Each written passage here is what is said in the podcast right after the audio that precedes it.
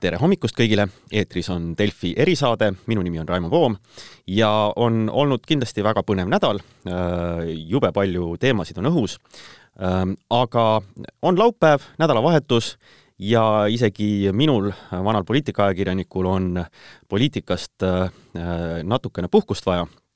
ja üleüldises niisuguses, niisuguses keerulistes oludes tegelikult ei tahaks sellest üldse rääkida. ja teemegi täna natuke teistmoodi, et äh, kuna siin on olnud ka väikeseid uudiseid, mis puudutavad seda, et äh, näiteks äh, esimene niisugune tõsiseltvõetav koroonavaktsiin on, on, on tulemas ja kuskilt tunneli lõpust paistab natukene valgust, siis unistaks natukene, unistaks sellest, et kui sellele va-, koroonaviirusele ükskord on piir peale pandud, mida siis, äh, mida siis saaks teha? Ja eelkõige väga paljud inimesed äh, tunnevad puudust sellest, et, et saaks liikuda, mitte ainult kodust välja, vaid võib-olla ka kuskile midagi vaatama, nii Eestis kui, kui piiri taga, ehk siis saaks natukene reisida taas, mis praegu sisuliselt on võimatu ja ka ei ole soovitatav. Ja selle tõttu ma olen kutsunud äh, telefoniliinile äh, tuntud äh, reisimehe Tiit Pruuli, tervist! jaa, tere, tere, ilus laupäev!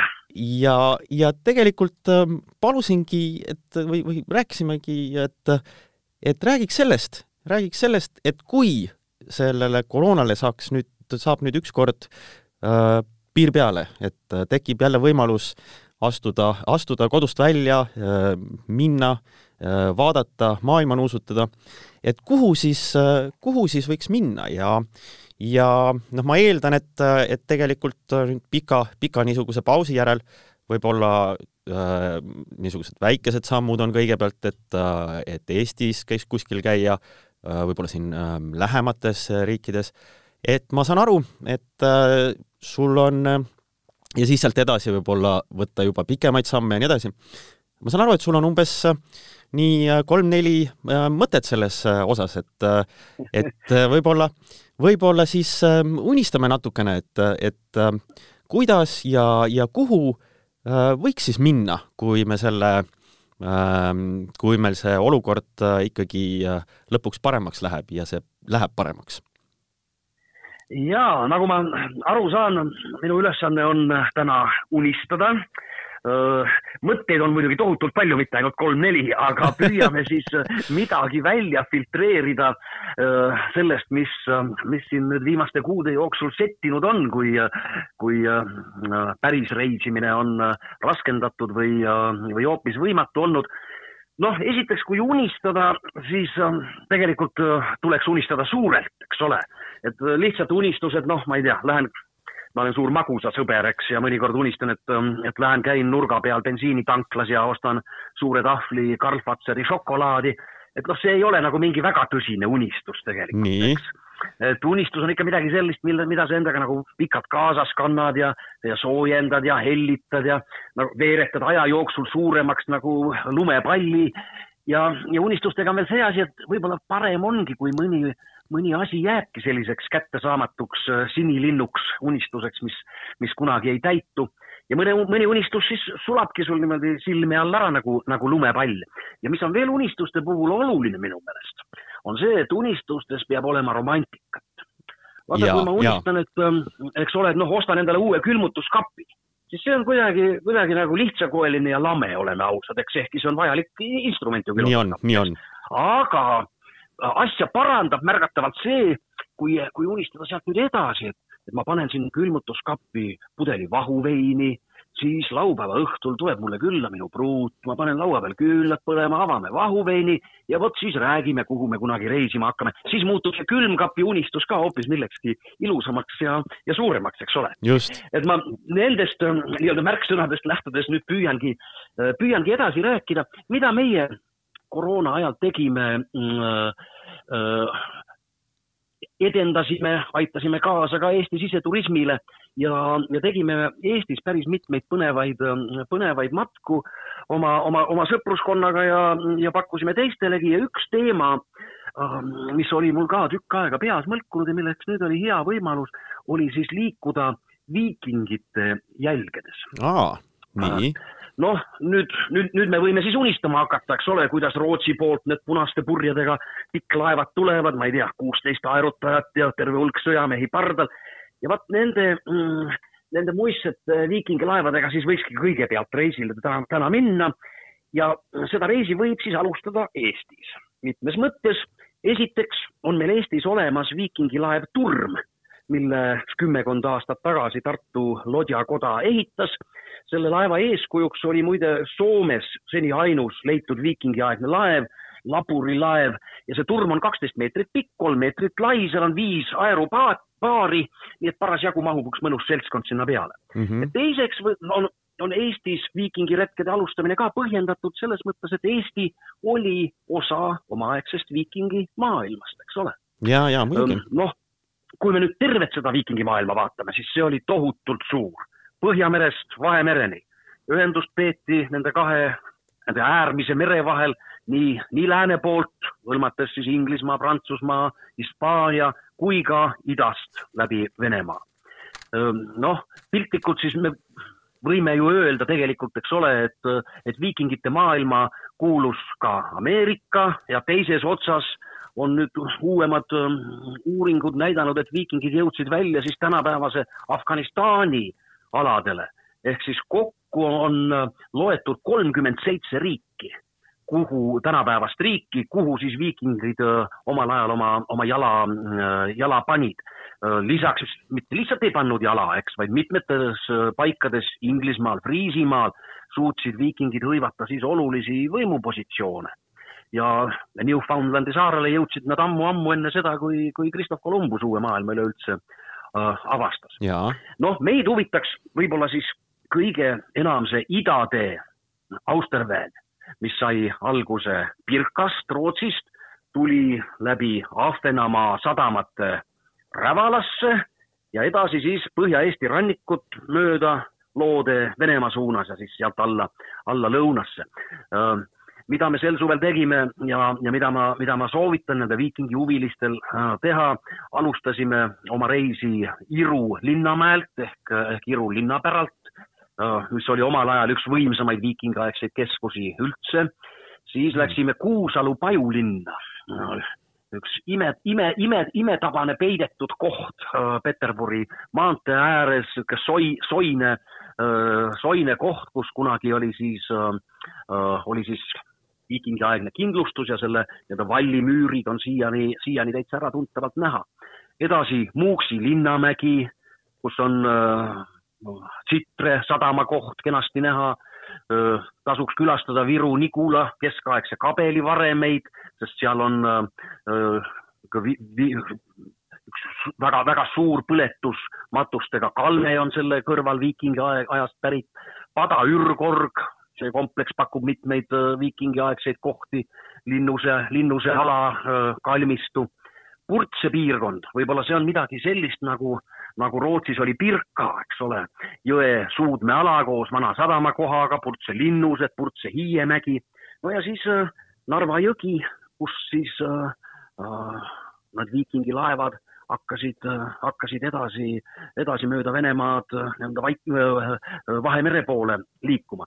seda Pirkat ma nimetasin mitu korda see on nüüd koht, kui me tahame Eestist välja minna viikingite jälgedes rändama, kuhu, kuhu kindlasti võib-olla esimesena tasuks minna. see on Rootsis Mälari järve ääres, ta on umbes kolmkümmend kilomeetrit praegusest Stockholmist lääne pool mm -hmm. ja, ja viikingi ajal maapind oli siis viis meetrit madalamal ja, ja sealt ähm, Pirkast pääsesid siis viikingite laevad otse ja mõnusalt äh, Läänemerele ja see linn rajati kusagil kaheksandal sajandil. Äh, see oli üks niisugune jõukas ja väga uhke viikingikeskus, osaliselt kaevati ta välja üheksateistkümnenda sajandi lõpul, üheksakümnendatel aastatel eelmisel sajandil olid siis uued kaevamised ja sealt on leitud majade jäänuseid, kindlusrajatis, ilmselt oli seal ka Rootsi esimene kirik, nii et, äh, et kui me nüüd tahame väljapoole rännata äh, viikingite jälgedes, siis võib-olla on, on see Pirka üks koht, kuhu esimesena minna. Või teel Pirkale võib läbi minna kindlasti ka Gotlandi saarelt, kus, kus on siis vanad sadamakohad, Paaviken näiteks, mitmed matmiskohad, ruunikivid, nii et ka kindlasti oluline ja meile, meile lähedane viikingipaik. Mm noh, kui kaugemale vaadata, siis kus ma ise käisin eelmisel suvel esimest korda ja, ja julgen väga, väga soovitada, on, on paik, mille nimi on Lindisfarne ehk asub? Island, Püha, Püha saar ja see asub Inglismaal, Inglismaa ranniku, idaranniku lähedal ja, mm, ja see on oluline koht mm, selles mõttes, et, mm, et Lindisfarnet on pikalt peetud nii-öelda viikingi aja sümboolseks äh, alguspaigaks äh,. see oli siis aasta seitsesada üheksakümmend kolm kui mm, on teada, et äh, Skandinaavia viikingid ründasid Lindisfarne kloostrit ja hävitasid selle ja see on nüüd esimene dateeritud viikingite äh, rünnak Euroopas. no tegelikult äh, samal ajal ja võib-olla ka varem vallutati mitmeid ja rünnati mitmeid teisi kuulsaid Albioni saare kloostreid nii, nii Inglismaa kui Šotimaa territooriumil, aga mm, noh, on teada, et neid rünnakuid oli, aga täpselt dateeritud on siis tõesti Lindisfarne mm -hmm. aasta seitsesada üheksakümmend kolm. no nüüd Eesti arheoloogid, ähm, kaasaegsed arheoloogid ähm, just, just, just praegu püüavad tõestada, eks ole, et, et äh, Salme väina nii-öelda näite varal, et, et viikingi aes, aeg võis alata mitte seitsesada üheksakümmend kolm, nagu maailma ajaloolased väidavad Lindisfarnel, vaid aastal seitsesada viiskümmend Saaremaal. vaatame, kas, kas see teooria nüüd läheb käibesse või, või, või, või, või mitte. Viiking... aga mis selle viiking, ja mida, mida ma veel tahtsin öelda, et mis selle viikingi aegsete matkadega muidugi on, on üks, üks noh, natukene kurb lugu võib-olla on see, et ega maastikul sa väga palju kahjuks ei näe. alles nii-öelda asju Äh, objekte on, ähm, on päris, päris vähe. mõned viikingiaegsed laevamatused, mis on leitud, on tehtud nii-öelda välja kaevatud ja, ja, ja ilusti eksponeeritud. Ähm, noh, ruunikivid äh, siin-seal ähm, on äh, noh, Venemaal näiteks Irboska juures on, on üks, on üks rist. Irboska, eks on siis äh, koht, see on üks vanimaid vene, vene linnu ja legendi järele rajas selle Truvor. Truvor oli siis Rjuriku sugulane, varjaag, keda siis kutsuti aastal kaheksasada viiskümmend üheksa idaslaavlasi valitsema Skandinaaviast mm -hmm. ja seal Irboskas on siis see Truvori rist. noh tegelikult selle legendaarse Truvoriga, kelle osas ei, tegelikult ei ole ka päris kindlalt teada, kas ta on ajalooline elanud isik või mitte.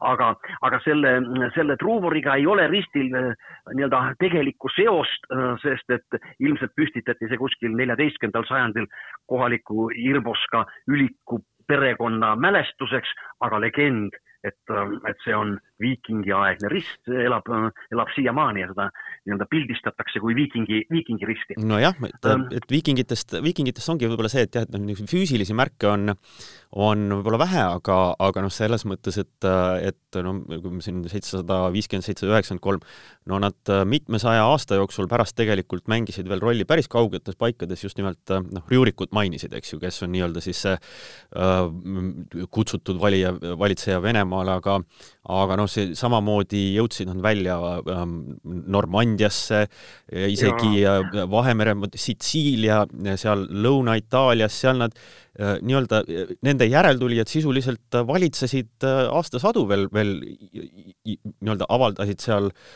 poliitilist mõju, et noh, me ei pruugi rääkida täpselt, seal täpselt nii, nii, nii Normandias, nii, nii Inglismaal, noh, Dublini linna asutasid ju ka, eks ole, tegelikult, tegelikult viikingid. Lõuna-Prantsusmaal olid, olid nad väga edukad. Äh, Ragnar Karupüks saja kahekümne laevaga ründas Prantsusmaad aastal kaheksasada nelikümmend viis, rüüstas Pariisi, eks. nii et, ähm, et, et see, see, see kõik mängis Euroopas väga suurt rolli ja ütleme, et viikingid olid noh mm, äh, kindlasti mitte esimesed, aga, aga omas ajas kõige suuremad maailmarändurid üldse, eks ole mm,. tol ajal liiguti, liiguti ringi nii-öelda hulga kaupa suurtel kiirustel ja, ja noh, peeti selle hulgas ka sõdu ja, ja röövretkeid. aga jah, kui me tahame viikingi aega näha, siis mõned kohad, mida ma võiks soovitada ehk, üks on Shetlandi saared Äh, ja, ja seal on igal aastal on siis sellised viikingi pidustused, kus pannakse põlema üks viikingi laev, mängitakse siis uuesti maha nii-öelda äh, paatmatus või laeva, laevamatus ja need on siis sellised, inimesed riietavad end viikingi rüüdesse ja, ja šetlandlased, eks ole, noh, äh, peavadki ennast siis eelkõige ikkagi nii-öelda viikingite järeltulijateks või nende identiteet on, on võib-olla rohkem jah, seotud viikingitega mm -hmm. kui, kui Inglis või Šotimaaga mm. -hmm. ja on mitmeid muuseume mitmeid häid muuseume on maailmas, Stockholmis, Oslos, Roskildes, väga palju viikingi hõbedat, kivinikerdusi, ruunikive, noh, Inglismaalt, Šotimaalt on viimastel aastatel väga uhkeid aardeid leitud, aga muide ka Eestist, Kose kandist ja, ja ka Peipsi järvest.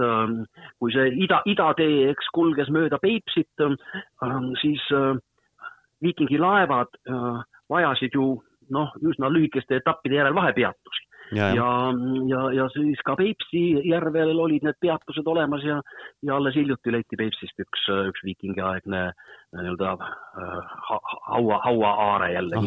kuna maapind, maapind on muutunud, siis see oli, oli nagu kaldast eemal vees mõnikümmend meetrit mm. -hmm. nii et ähm, ja noh, mis on Eestis veel tore, on see, et, et noh, me ise peame ju ka ikka ennast aeg-ajalt viiking, viikingitest, August Mälgu, Läänemere isandatest ähm, alates äh, ja seda, seda rida on väga uhkelt, uhkelt äh, Indrek Argla jätkanud nüüd, nüüd oma raudrägastiku ajaga näiteks ähm,.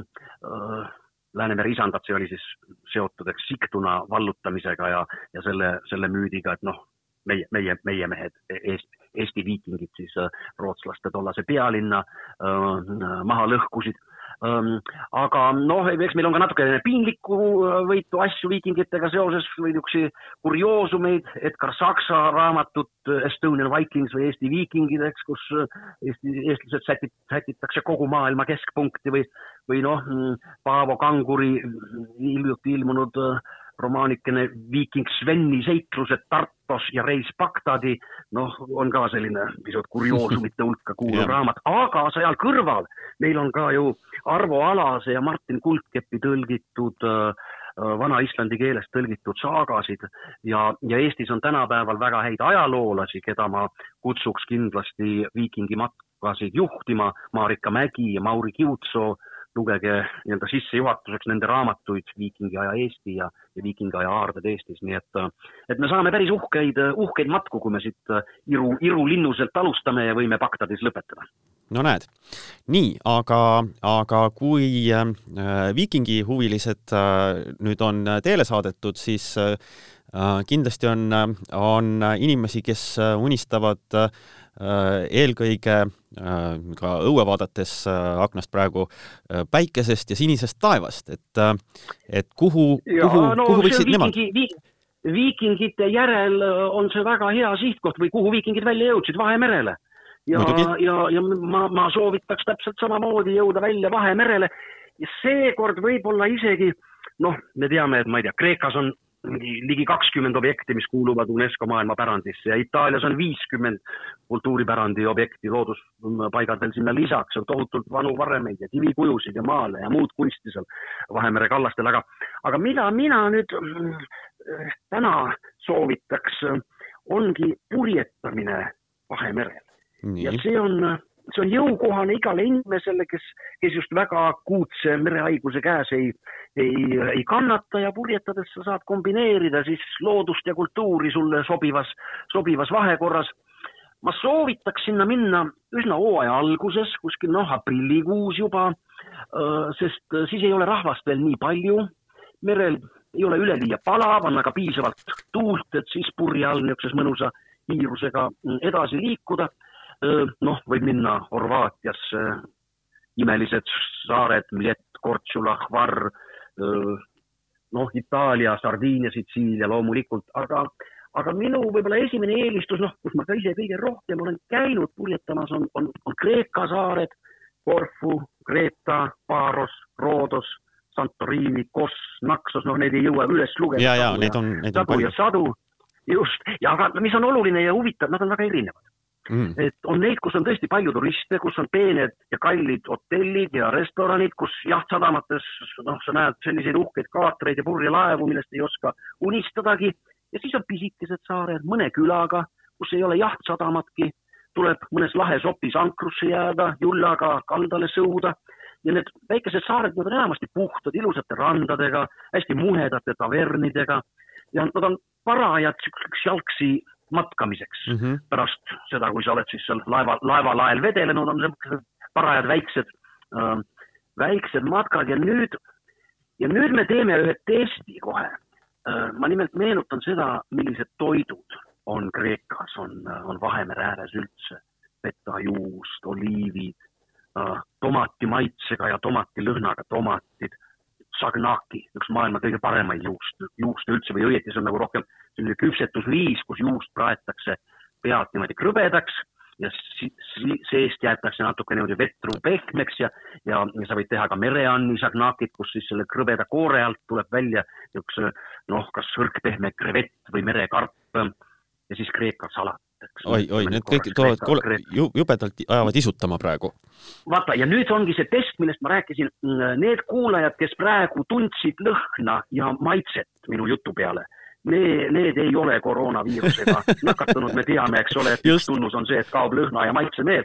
ma usun, ma usun, et praegu kõik tundsid neid äh, puhaste toiduainete lõhnu ja lõhnu ja maitseid, nii et, et see on üks lõbu, mida, mida Vahemerel äh, purjetades või Vahemere ääres matkates sa saad endale endale lubada. mis on oluline selle purjetamise juures veel vaadata, oluline on see, et, et sul nagu iga matka puhul ja laevas on see veelgi tähtsam, et sul oleks hea kapten, kindel äh, kapten, kas ta on keeleoskaja, mida mitte alati seal nii ei ole, et ta räägiks vabalt inglise või, või, või saksa keelt.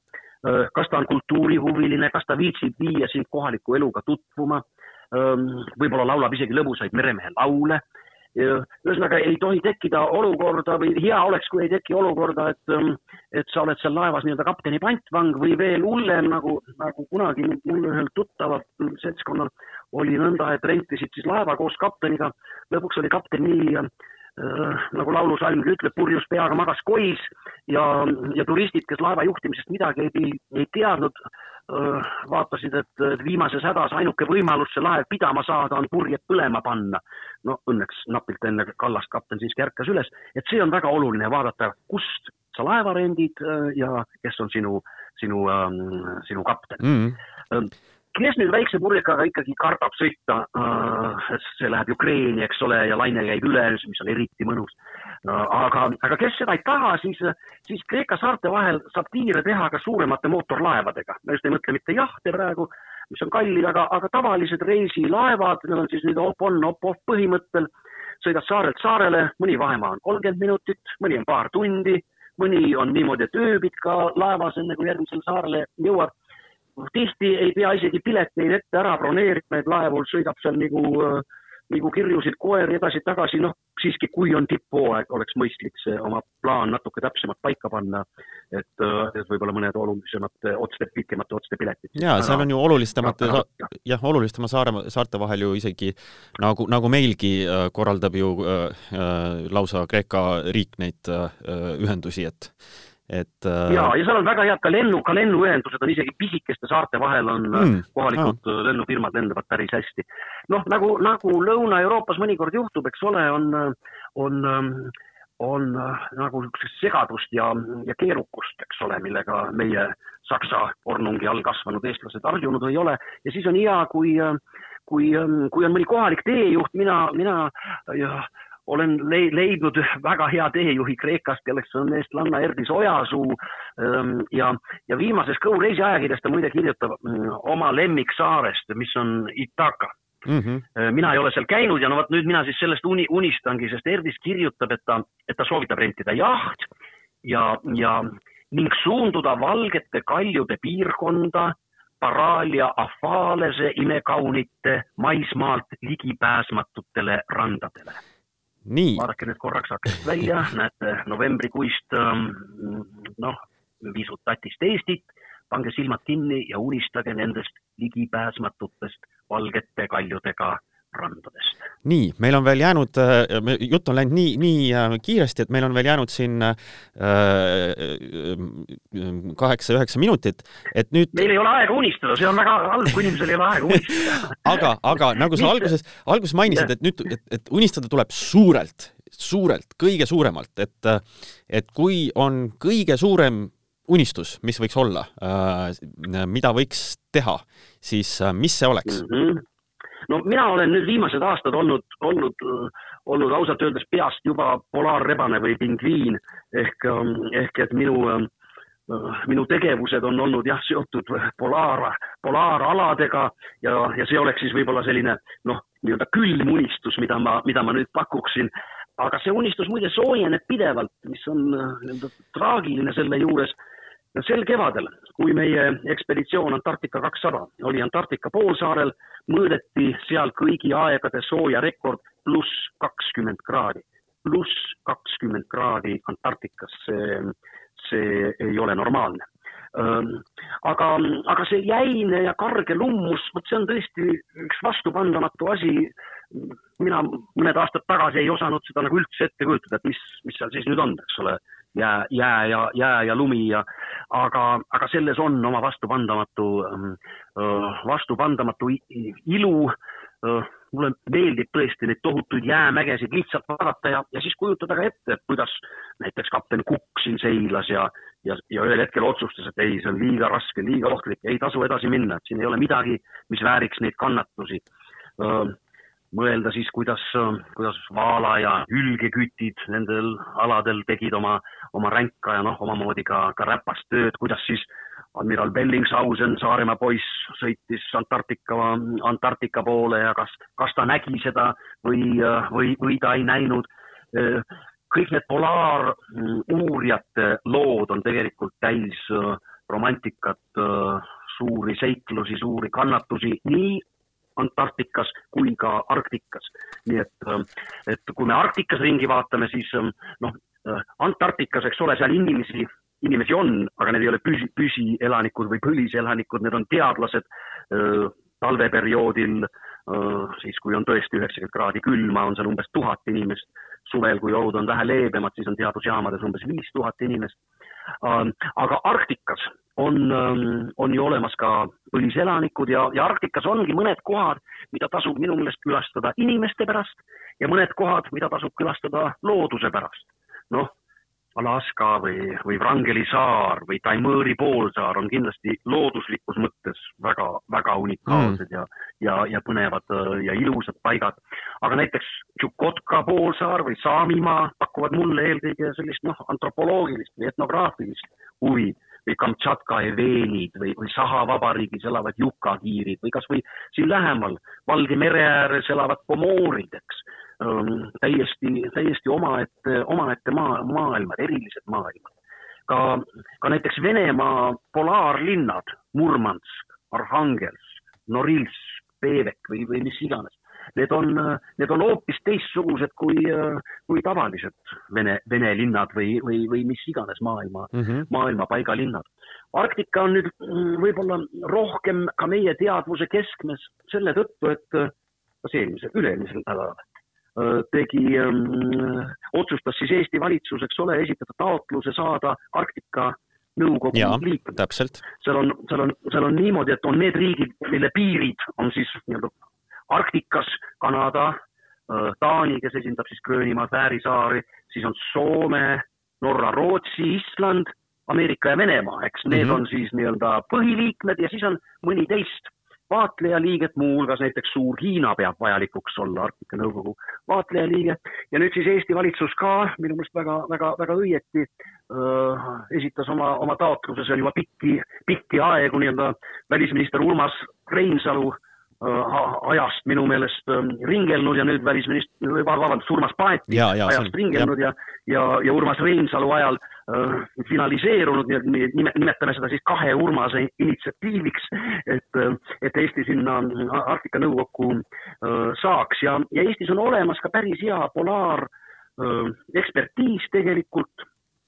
Juba nõukogude ajal ju kümneid ja kümneid eestlasi töötas Nõukogude polaarjaamades ja, ja meil on praegu olemas väga aktiivselt tegutsev Polaarklubi, Meremuuseumi juures korraldatakse polaarfoorumeid, nii et ma usun, et, et Eesti teadlastel oleks ka anda oma, oma panus Arktika uurimisse, eriti praegusel noh, põneval keerulisel ajal, kui globaalne soojenemine ähm, Arktika, nii nagu ka Antarktika jäämassi siis oluliselt äh, vähendab ja, ja me räägime sellest, et, ähm, et Venemaa tahab lähematel aastatel avada siis regulaarse laeva, kaubalaevaliikluse Äh, Arktikas. ma, ma, ma, ähm, ma seda, väga põnev piirkond. ma, ma seda tahtsingi veel lõpetuseks küsida, et, et, et noh, seesama kliima soojenemine ja, ja siin on räägitud sel sügisel lausa noh, erakorralistest äh, nähtustest, et veel, veel siin äh, oktoobris ei olnud äh, olulistes seal paikades äh, Arktikal siis äh, Põhja-Jäämerel jääd, tekkinud, et, et kas, kas seal on mingisugused noh, ma ei tea, mingisugused, ähm, mingisugused äh, asjad, mis mis noh, mingisugused reisid, mis nagu teevad terve selle ülemise otsa läbi Ähm. On üksikuid, üksikuid rei-, reis, reise jah, nii-öelda kui me räägime turismireisidest, siis aga need on tõesti väga, igal aastal neid ei toimugi, see sõltub siiani, eks ole, väga, väga ikkagi jääoludest, aga üle aasta umbes ma tean, et on firmad nagu Hapag-Lloyd äh, ja, ja mõned teised kallimad äh, Silver Sea mõned teised jah, kallimad sellised äh, kruiisifirmad on teinud, äh, on teinud turistidele ka Põhja-Jäämere nii-öelda ter-, tervet Põhjamereteed läbivaid reise. aga selliseid, selliseid reise näiteks Rangeli saare juurde, Alaskalt või, või Islandile, Fääri saartele, eks ole, Gröönimaale, selliseid turismikruiise on, on tegelikult päris palju ja need on, on, on, on hästi populaarsed ja, ja noh, veel kord, kes, kes, kes on korra jäässe ähm, armunud, see võiks ka jääga Eesti seaduste järgi abielluda, see on nii ilus ja tore. nii, aga äh, igal juhul selles mõttes siit oli nüüd äh, terve ports ideid äh,, mida kõike, millele kõigele mõelda äh,, võib-olla äh, Äh, tähendab, kindlasti see paar kuud äh, siin või, või mõned kuud, mis on jäänud äh, kevadeni, kui me loodame, et, et olukord läheb paremaks, siis miks mitte kasutada seda oma siis unistuste reisi ettevalmistamiseks, lugeda raamatuid. ja ma näen seda, ja vabandust, ma näen, ma näen seda nii-öelda reisibüroo äh, omanikuna, et inimesed tegelikult noh, loomulikult ei reisi praegu, aga nad mõtlevad väga, väga intensiivselt, esitavad päringuid ühe, teise, kolmanda koha kohta, nii et, et ma olen päris, päris kindel jah, et kui, kui olud muutuvad, kui reisimine muutub jälle lihtsamaks ähm, kaob see hirmufaktor, tuleb vaktsiin, siis, siis paljud nendest unistustest, mida me täna, täna siin laua taga mõtleme, muutuvad reaalsuseks. no just, aga sinnamaani äh, peseme kõik käsi äh,, kanname maski äh,, hoiame distantsi äh, ja, ja üritame selle ja kui reisime, ja kui reisime, siis reisime vastutustundlikult. see, see on ka täna võimalik, aga tõesti, siis tuleb seda teha väga vastutustundlikult. just, et, et täidame neid reegleid, äh, siis me elame selle, selle talvega kenasti üle. igal juhul suur-suur tänu äh, täna hommikul meile nendest põnevatest äh, unistustest, unist, unistada aitamise eest, Tiit Pruuli. mul oli, mul oli endal kõige toredam unistus just, ja Delfi erisaade on äh, eetris taas järgmisel nädalal, aitäh kuulamast!